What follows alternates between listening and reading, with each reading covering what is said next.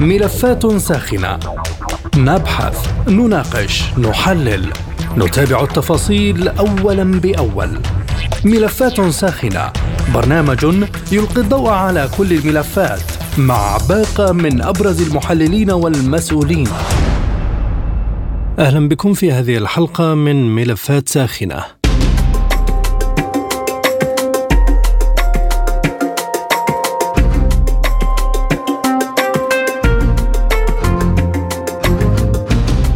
من أجل زيادة المساعدات التي تدخل قطاع غزة تأتي اجتماعات العقبة التي يشارك فيها قادة منظمات أممية حكومية وغير حكومية وممثل دول عربية وأجنبية. يستضيف الأردن هذه الاجتماعات لبحث الاستجابة الإنسانية في غزة والتوصل إلى آلية للتنسيق حول الاستجابة للاحتياجات الناجمة عن الأزمة الإنسانية وضمان إيصال وتدفق المساعدات المطلوبة بشكل كاف ومستمر. ومن المقرر أن يشارك العاهل الأردني الملك عبد الله الثاني في جانب من الاجتماع الذي يأتي في إطار جهود الأردن المكثف في الوقوف إلى جانب المواطنين في غزة والتخفيف من الوضع المأساوي واستثمار الهدنة الإنسانية بين إسرائيل وحركة حماس في زيادة حجم المساعدات وسرعة إيصالها في ظل التحذيرات المتزايدة من انعكاس قلة الموارد الأساسية على المدنيين.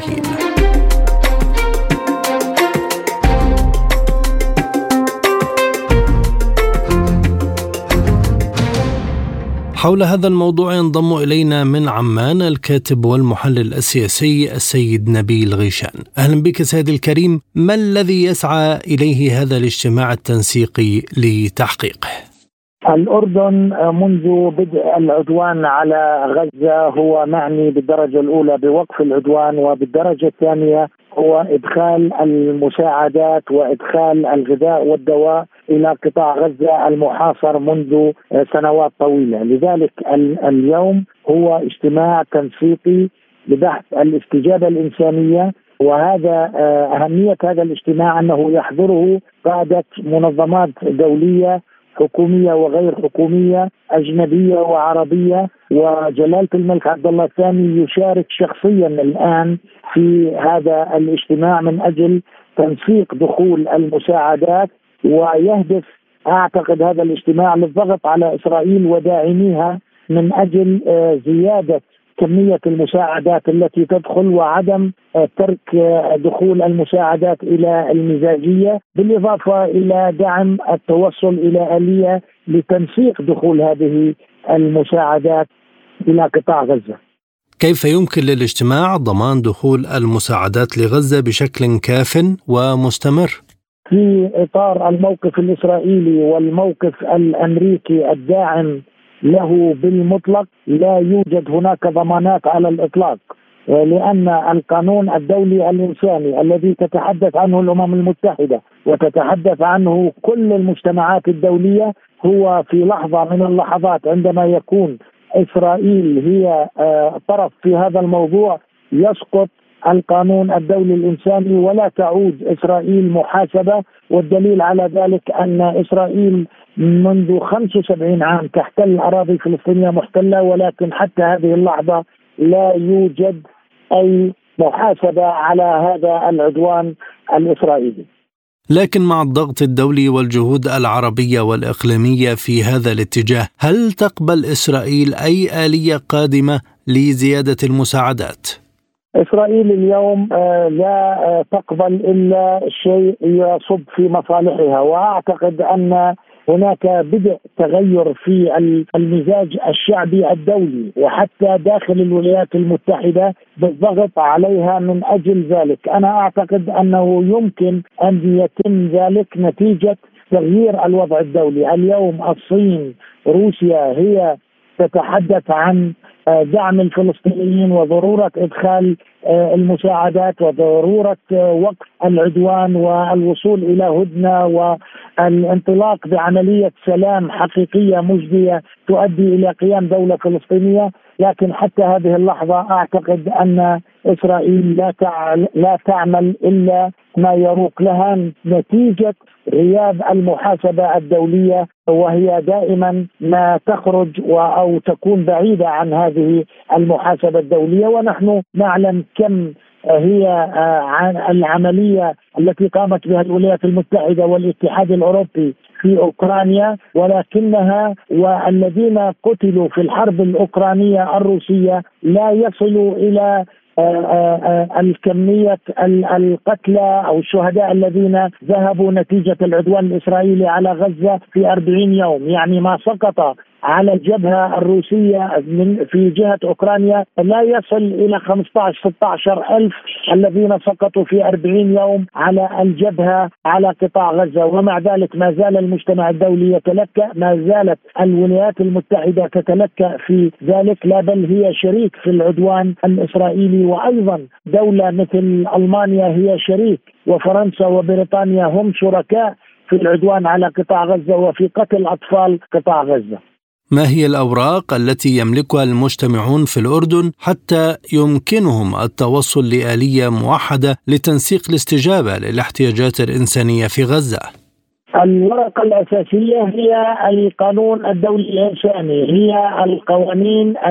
المتفق عليها في الأمم المتحدة وفي العالم كله والتي آه، في حالة النزاعات الدولية يجب تطبيقها. لكن للأسف هذه القوانين لا يجري تطبيقها إذا كان الطرف المعتدي هو إسرائيل. لذلك اليوم أنا أعتقد أن المنظمات الدولية ستكون أمام امتحان كبير من أجل الضغط على إسرائيل من أجل أن يكون هناك استجابة لإدخال المساعدات، أنت تعرف أن قطاع غزة منذ سنوات طويلة محاصرة منذ أكثر من 14 عام، ما يلزمه من أغذية وأدوية كل يوم كان يدخل في الأوضاع الطبيعية من رفح المصرية إلى قطاع غزة بحدود 700 شاحنة يوميا، اليوم مع المساعدات ومع الضغط الدولي لا يدخل أكثر من 200 شاحنة، هذا قليل جدا نظرا للمأساة الإنسانية الكبيرة في قطاع غزة وعملية التهجير والتدمير المنظم للبيوت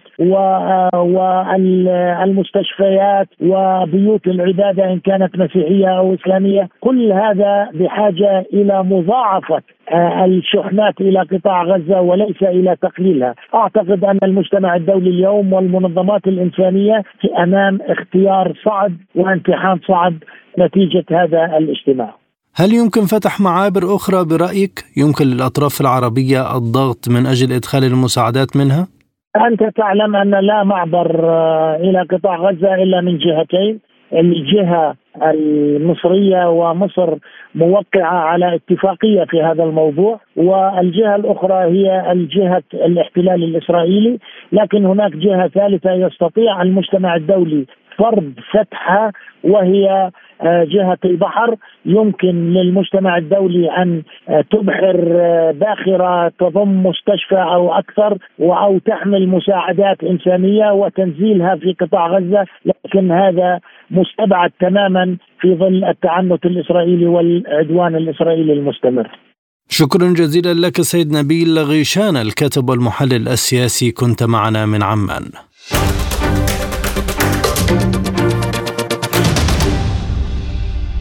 من غزة ينضم إلينا القيادي في حركة فتح السيد إياد الدريملي. أهلا بك سيدي الكريم. ماذا يمكن أن يتغير بعد اجتماع الأردن الذي تشارك فيه منظمات أممية لبحث الوضع الإنساني في غزة؟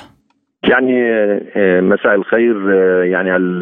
الأردن والدول العربية المحيطة في فلسطين تستشعر مبكرا حجم الأزمة الإنسانية وحجم الأزمة التي يعيشها قطاع غزة في ظل العدوان الإسرائيلي، أعتقد أن هذه الاجتماعات المكثفة والتي تقودها الأردن ومصر وقطر والإمارات والسعودية هي تأتي في إطار الجهود التي تأتي لإنقاذ ما يمكن إنقاذه في الواقع المدنيين في قطاع غزة جراء الحرب الإسرائيلية الكبيرة، بالتالي أعتقد أن هذه يعني خطوات إيجابية ومرحب بها ويجب التكثيف هذه الخطوات من أجل يعني مساعده المدنيين الفلسطينيين والمواطنين الفلسطينيين في قطاع غزة الذين يعني يعني يعانون الويلات من من آثار الحرب الإسرائيلية الطاحنه منذ عدة أسابيع. بالتالي أعتقد بأن هذه الجهود هي جهود يعني تقوم بها المملكة الأردنية الهاشمية مشكورة وخاصة أنها يعني أرسلت قبل أيام مستشفى ميداني أردني داخل قطاع غزة وسبق أن يعني زودت قطاع غزة من الجو في بعض المساعدات الإنسانية والإغاثية في ظل الحرب الشرسة التي دمرت الأرض والشجر والحجر في قطاع غزة، أعتقد هذه جهود يعني يجب التراكم عليها وتكثيفها من أجل يعني آه، مساعده الشعب الفلسطيني المنكوب والذي يعاني الويلات ويعاني من أثار آه، الحصار الشديد للمعابر المحيطة في قطاع غزة وللحيلولة دون وصول المساعدات الإنسانية والأممية لقطاع غزة. وكما تعلمون ويعلم الجميع أن هناك آلاف السيارات المحملة بالمساعدات الإنسانية التي وصلت من العديد من الدول التي وصلت مطار العريش وهي على مشارف معبر رفح وتنتظر التنسيقات لدخولها ودخول المساعدات التي تحملها للمواطنين الفلسطينيين الذين آه، يعني نزحوا من بعض المناطق التي شهدت آه، صراعا طاحنا وقصفا مشددا من الاحتلال الإسرائيلي. ما أهمية توقيت انعقاد هذا الاجتماع مع تزايد التحذيرات من قلة المساعدات التي تصل إلى المواطنين؟ دعني أقول أن يعني المنظمات الأممية والدولية حذرت منذ اللحظات الأولى بضرورة تجنيب المدنيين الفلسطينيين داخل قطاع غزة من من العدوان والاطار الحرب يعني تجنيبهم ويلات الجوع والأمراض التي قد يعني تتفشى في أي لحظة في إطار عدم وجود الآليات ووجود الإسعافات وتعطل المستشفيات وخاصة الوضع البيئي والصحي والإنساني الذي يتعرض له السكان المدنيين هذه الجهود جهود هي جهود مهمة وضرورية خاصة بعد مرور آه، عدة أسابيع آه، على الحرب دون آه، رضا المؤسسات الدولية والصحية والإنسانية في قطاع غزة عن حجم المساعدات التي تصل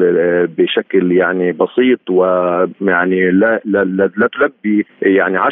من حاجة قطاع غزة من المساعدات الإنسانية والمساعدات اليومية خاصة وأن إذا إذا أردنا أن نذكر أن أن قطاع غزة كان يدخله في الأيام في الحصار صار في في قبل ما قبل السابع من أكتوبر كان يدخله تقريبا ألف شاحنة يومية. اليوم لا يتعدى وصول أو دخول قطاع غزة ما ما, ما, ما يعني لا يزيد عن 200 شاحنة وفق المفاوضات التي تسري بين الأطراف المعنية في الصراع، وبالتالي أعتقد ان هذه اللقاءات مع المنظمات الأممية والدولية جاءت لتخوفات كبيرة يعني أعلنت عنها المنظمات الدولية عن الواقع المأساوي والكارثي البيئي والإنساني والصحي داخل قطاع غزة وما يشهده الأطفال والنساء. النساء والجرحى والمؤسسات الصحية والطبية والتعليمية من من من, من أمراض ومن يعني تدني نسب الغذاء والكهرباء والماء للأطفال والنساء والنازحين وبالتالي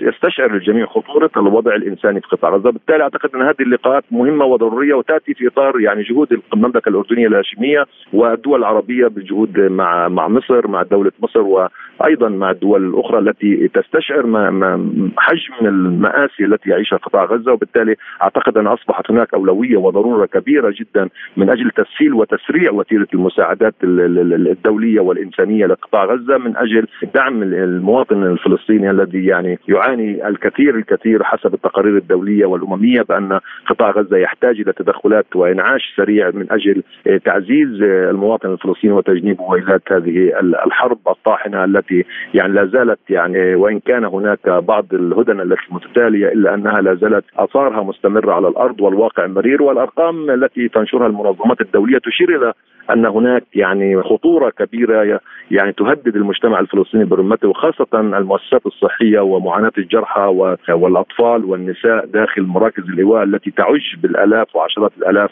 من المواطنين الذين نزحوا من المنازل التي هدمت على رؤوسهم وعلى المناطق التي دمرت والمربعات التي دمرت بحكم القصف الإسرائيلي الكثيف والعنيف على المواطنين العزل.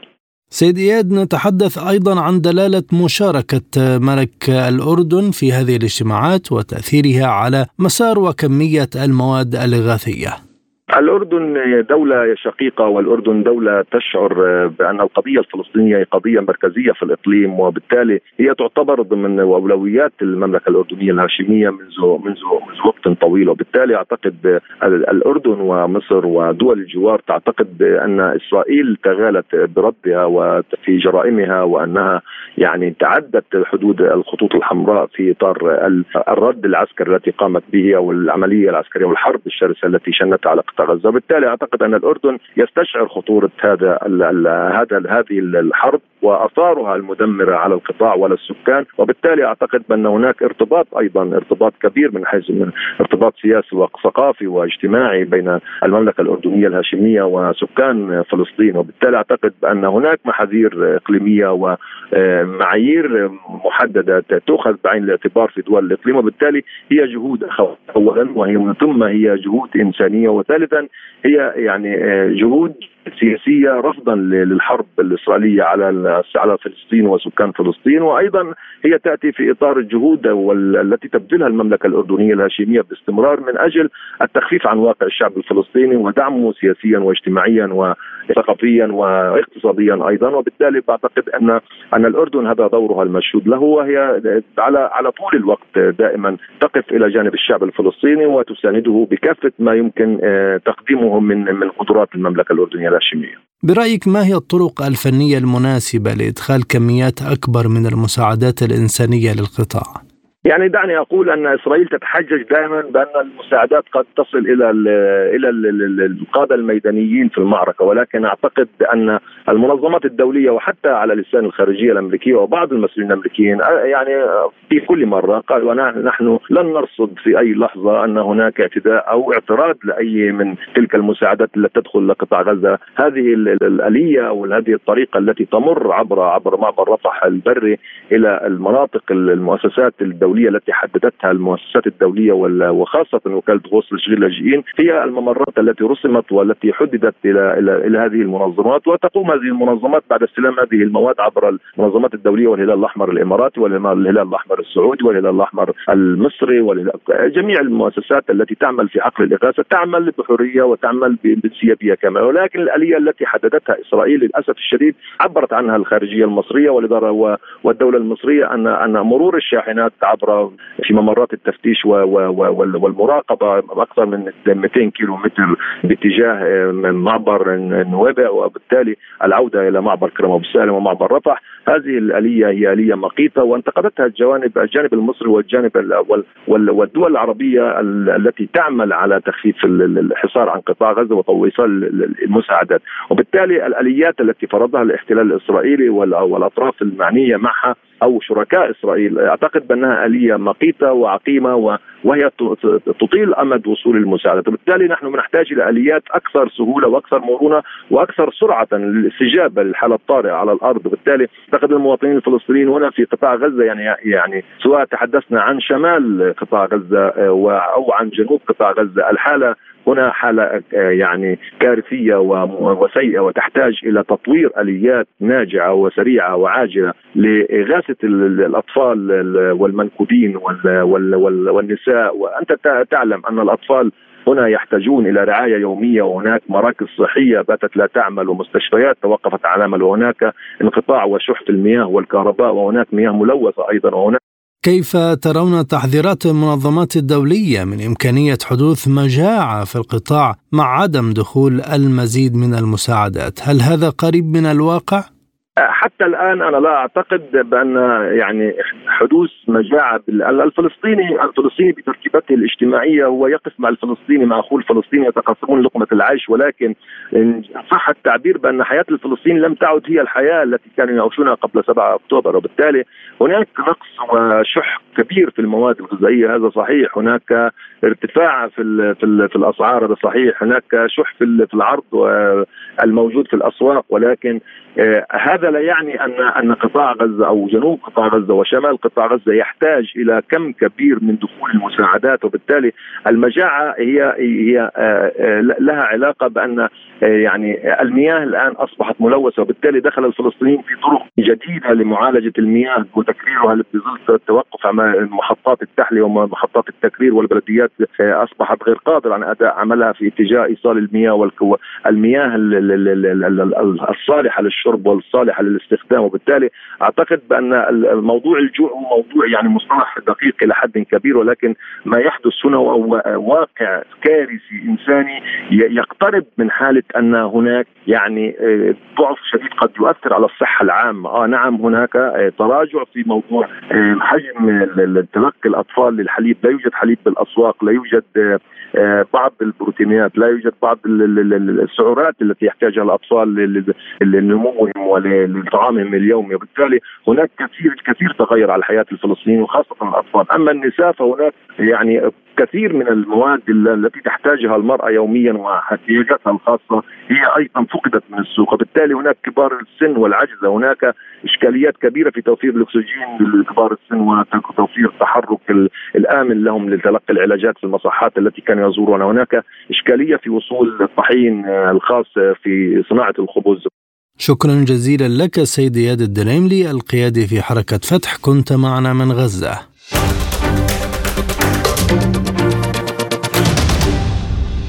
من غزة كذلك ينضم إلينا الناطق باسم بلدية غزة السيد حسني مهنا أهلا بك سيد الكريم هل تحسن الوضع الإنساني بالقطاع بعد دخول المساعدات خلال فترة الهدنة؟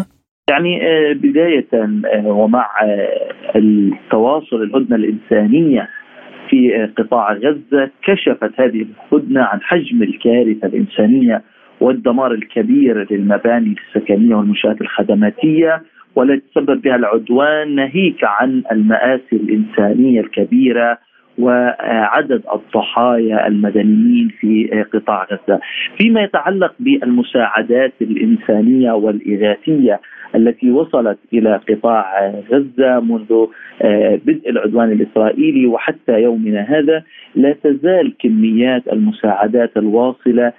قليلة ومحدودة جدا ولا تفي باحتياجات السكان خاصة في مناطق شمال قطاع غزة مدينة غزة وشمال القطاع والتي تصلها المساعدات بشكل محدود جدا جدا فيما يتعلق بالمساعدات الإغاثية والمعونات الغذائية، لكن حتى هذه اللحظة لم تصل آه، كميات من الوقود إلى آه، بلديات آه، شمال قطاع غزة، بلدية غزة هي البلدية الأكبر على مستوى الوطن والاكبر على مستوى قطاع غزة وهي البلدية الرئيسية والأم في قطاع غزة، لم يصلها حتى هذه اللحظة أي قطرة من الوقود. وتعمل البلدية بالحد الأدنى عبر توفير الوقود اللازم من خلال استخراجه من الآليات التي دمرت بفعل القصف الإسرائيلي واستخراجها أيضا من محطات آه، محطات ضخ آه، الصرف الصحي وآبار المياه التي خرجت عن الخدمة بفعل العدوان الإسرائيلي والاستفادة من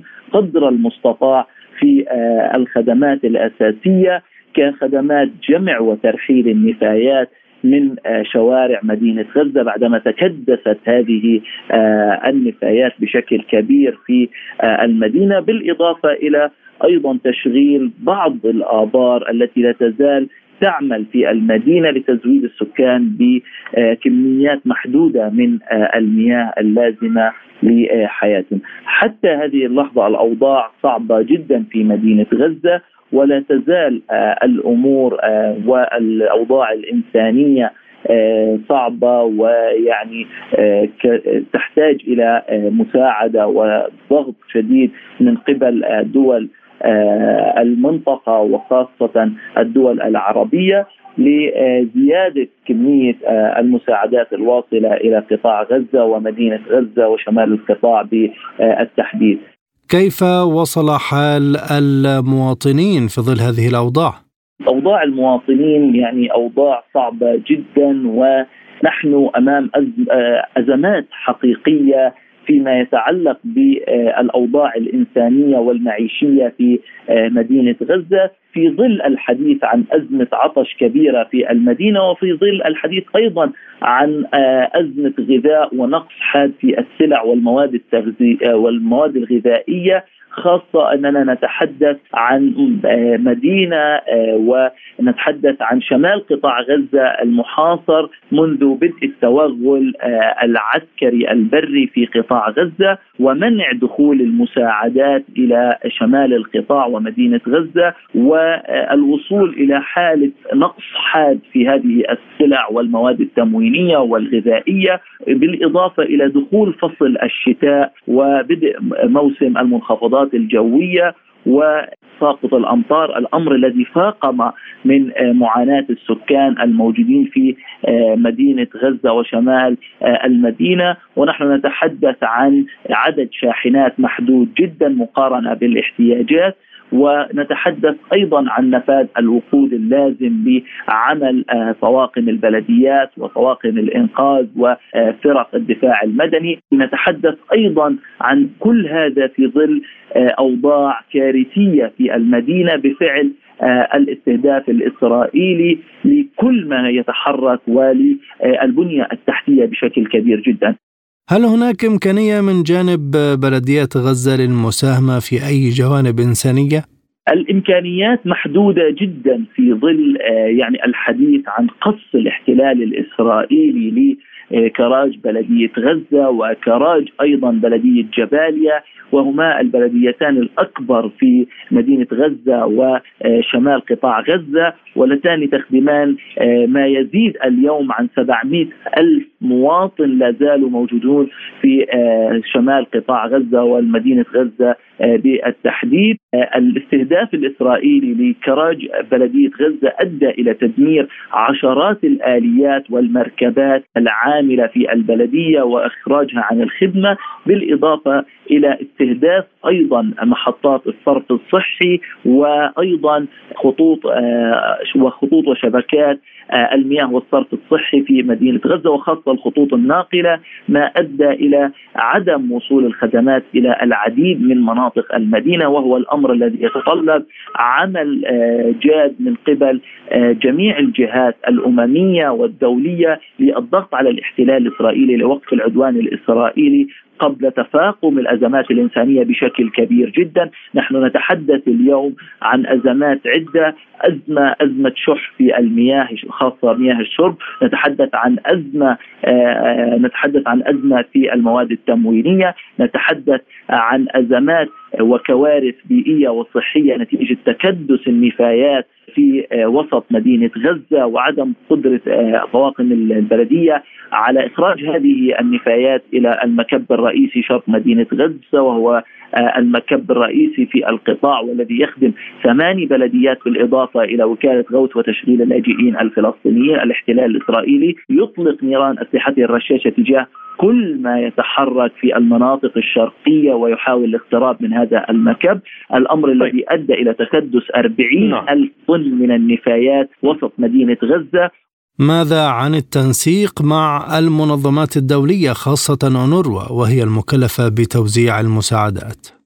يعني الأوضاع صعبة جدا فيما يتعلق بالتنسيق ما بين هذه المؤسسات خاصة في ظل الاحتياج الكبير للسكان لهذه المساعدات ووصول كميات قليلة، الأونروا تحاول توزيع هذه المساعدات للمواطنين النازحين الموجودين داخل مدارس وكالة غوث وتشغيل اللاجئين. الأونروا والعديد من مراكز الإيواء التابعة لها في بادئ الأمر ومن ثم الانتقال إلى أماكن أخرى. وبالتالي تكون يعني الهدنة الإنسانية قد انتهت ولم يكن هناك استفادة من الجميع، لكن حتى هذه اللحظة نحن نشكر جميع الجهات العاملة في قطاع غزة في هذا الوقت بالتحديد وفي ظل الأوضاع الميدانية الصعبة، لكن نطالب الجميع بتوفير أكبر كمية ممكنة من المساعدات ومن الوقود والضغط على الاحتلال الإسرائيلي لاستئناف إمدادات الوقود والمياه والكهرباء لقطاع غزة وإيصالها لغزة وشمال قطاع غزة لتقديم الخدمات الأساسية ل 700 ألف مواطن لا زالوا موجودون هناك من خلال تشغيل أبار المياه التي لا تزال تعمل في المدينة وشمال القطاع ومحطات الصرف الصحي وأيضا تشغيل الآليات والمعدات اللازمة لإزالة الركام وفتح الشوارع وإخراج الجثامين من تحت الأنقاض لكن الإمكانيات محدودة جدا جدا. شكرا جزيلا لك السيد حسني مهنا الناطق باسم بلدية غزة. كما نشكركم مستمعينا الكرام على طيب المتابعة. دمتم في رعاية الله وأمنه. إلى اللقاء. مستمعينا بهذا نصل وإياكم إلى نهاية هذه الحلقة من برنامج ملفات ساخنة. طابت أوقاتكم وإلى اللقاء.